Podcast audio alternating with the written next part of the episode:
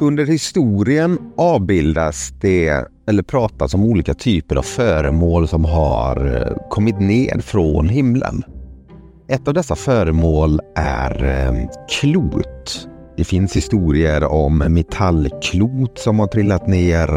Eh, det finns konst där det har avbildat personer som står och håller olika metallklot. Bara då dessa har kommit ner från himlen.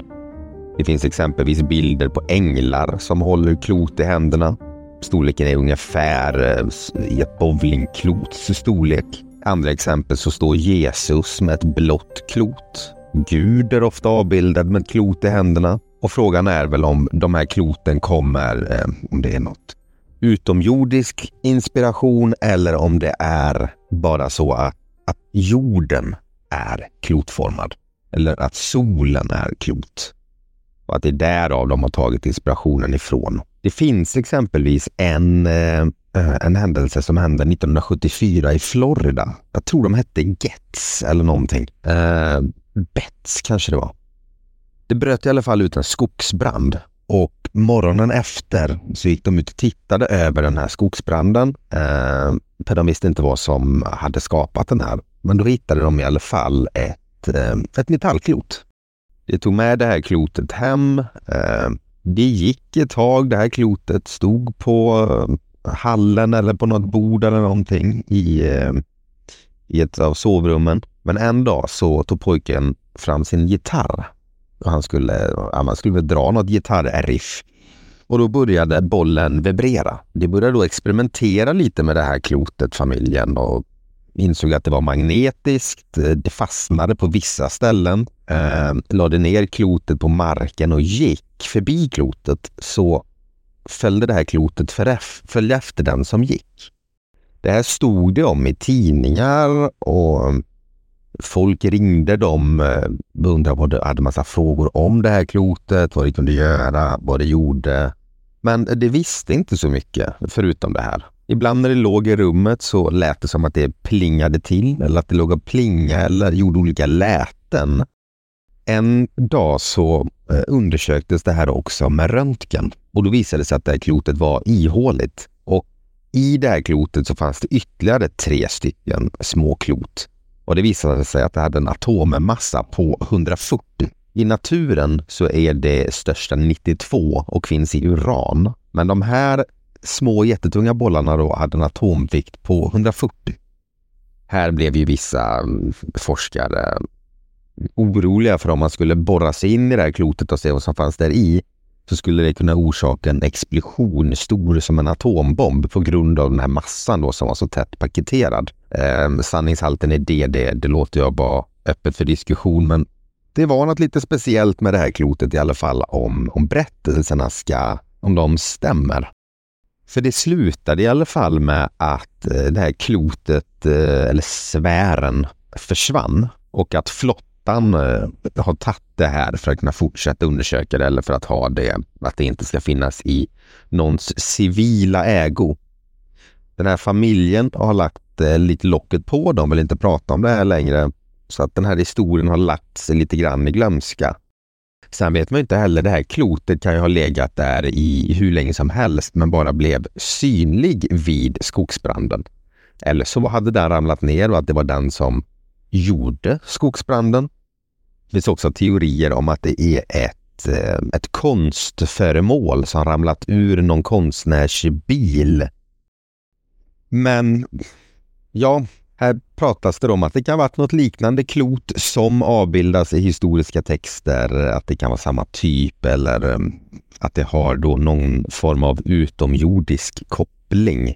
Det finns vissa personer som drar det så långt att sådana här typer av föremål som de här sfärerna har lämnats kvar av utomjordingar och det har legat här i, ja, i många tusentals år för att hjälpa mänskligheten så att vi ska kunna göra framsteg. Det hänvisar till exempel till metallstänger som de bärgade från ett vrak utanför Sicilien. Metallen de består av, liknar egentligen ingen annan känd metall som finns på jorden.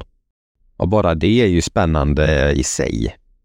För de hittades när de skulle leta i ett skeppsvrak som hade legat där i 2600 år ungefär. Då hittade de 39 stycken av de här metallstängerna.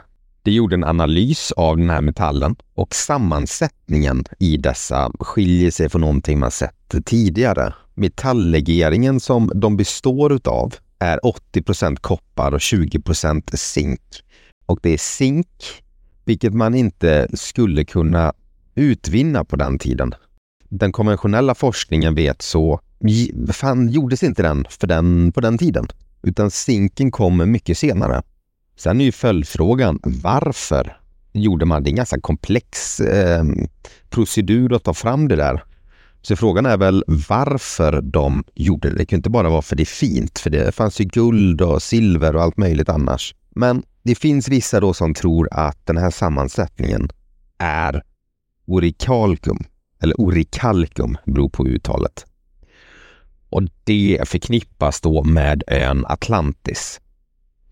För enligt Platons dialoger med Timaios och Kritias från 400-talet före Kristus så var Atlantis mer avancerad än alla andra civilisationer. Och Atlantis grundades av eh, guden Poseidon och hans tempel var täckt av en dyrbar metall som hette orikalkum, vilket betyder eh, eh, bergskoppar ungefär. Sammansättningen nämns inte utav Platon i de här dialogerna, men baserat då på dess elektriska egenskaper så tror forskarna att om den existerade på riktigt så måste den ha bestått av, eller borde, av koppar och zink.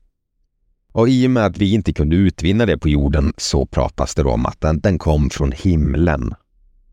Enligt Platon så kom den grekiska guden Kadmos ner från Olympen där han bodde och gav Orikalkum till Atlantis folk. Och han var ganska viktig eh, i grekisk mytologi för han var den första hjälten och släkt med Zeus. Och det var Kadmos som lärde människan att tillverka brons. Och eh, under civilisationens början var ju teknologin, alltså det var ju bland de första stegen. Och då var Kadmos viktig med metalltillverkningen. Återigen, detta pratade jag om i, i förra avsnittet, så är det ju att många vill att man ska bokstavstolka de här gamla texterna. Medan vissa menar på att det är hittepå, det är historier och det är eh, man talar mer i, eh, i mjuka värden, man talar i tolkningar. Men om du bokstavstolkar det de skriver så säger de ju att de här gudarna kommer ner till jorden och ger oss teknologi och är baserat på verkliga händelser. Och för att återknyta till detta eller återkoppla så finns det mm, bland skatterna då i Tutankhamons grav så finns det en dolk som även den har en sammansättning som eh, inte kanske är helt eh, mm, okej. Okay. För den verkar alltså vara gjord av järn trots att den är från 1322 före Kristus. Det är ganska mycket tidigare än järn egentligen kom. Sen kom det ytterligare då forskning, det var inte jättelänge sedan, där det visade sig ytterligare vad den var gjord av. Och det är att bladet är gjort av järn.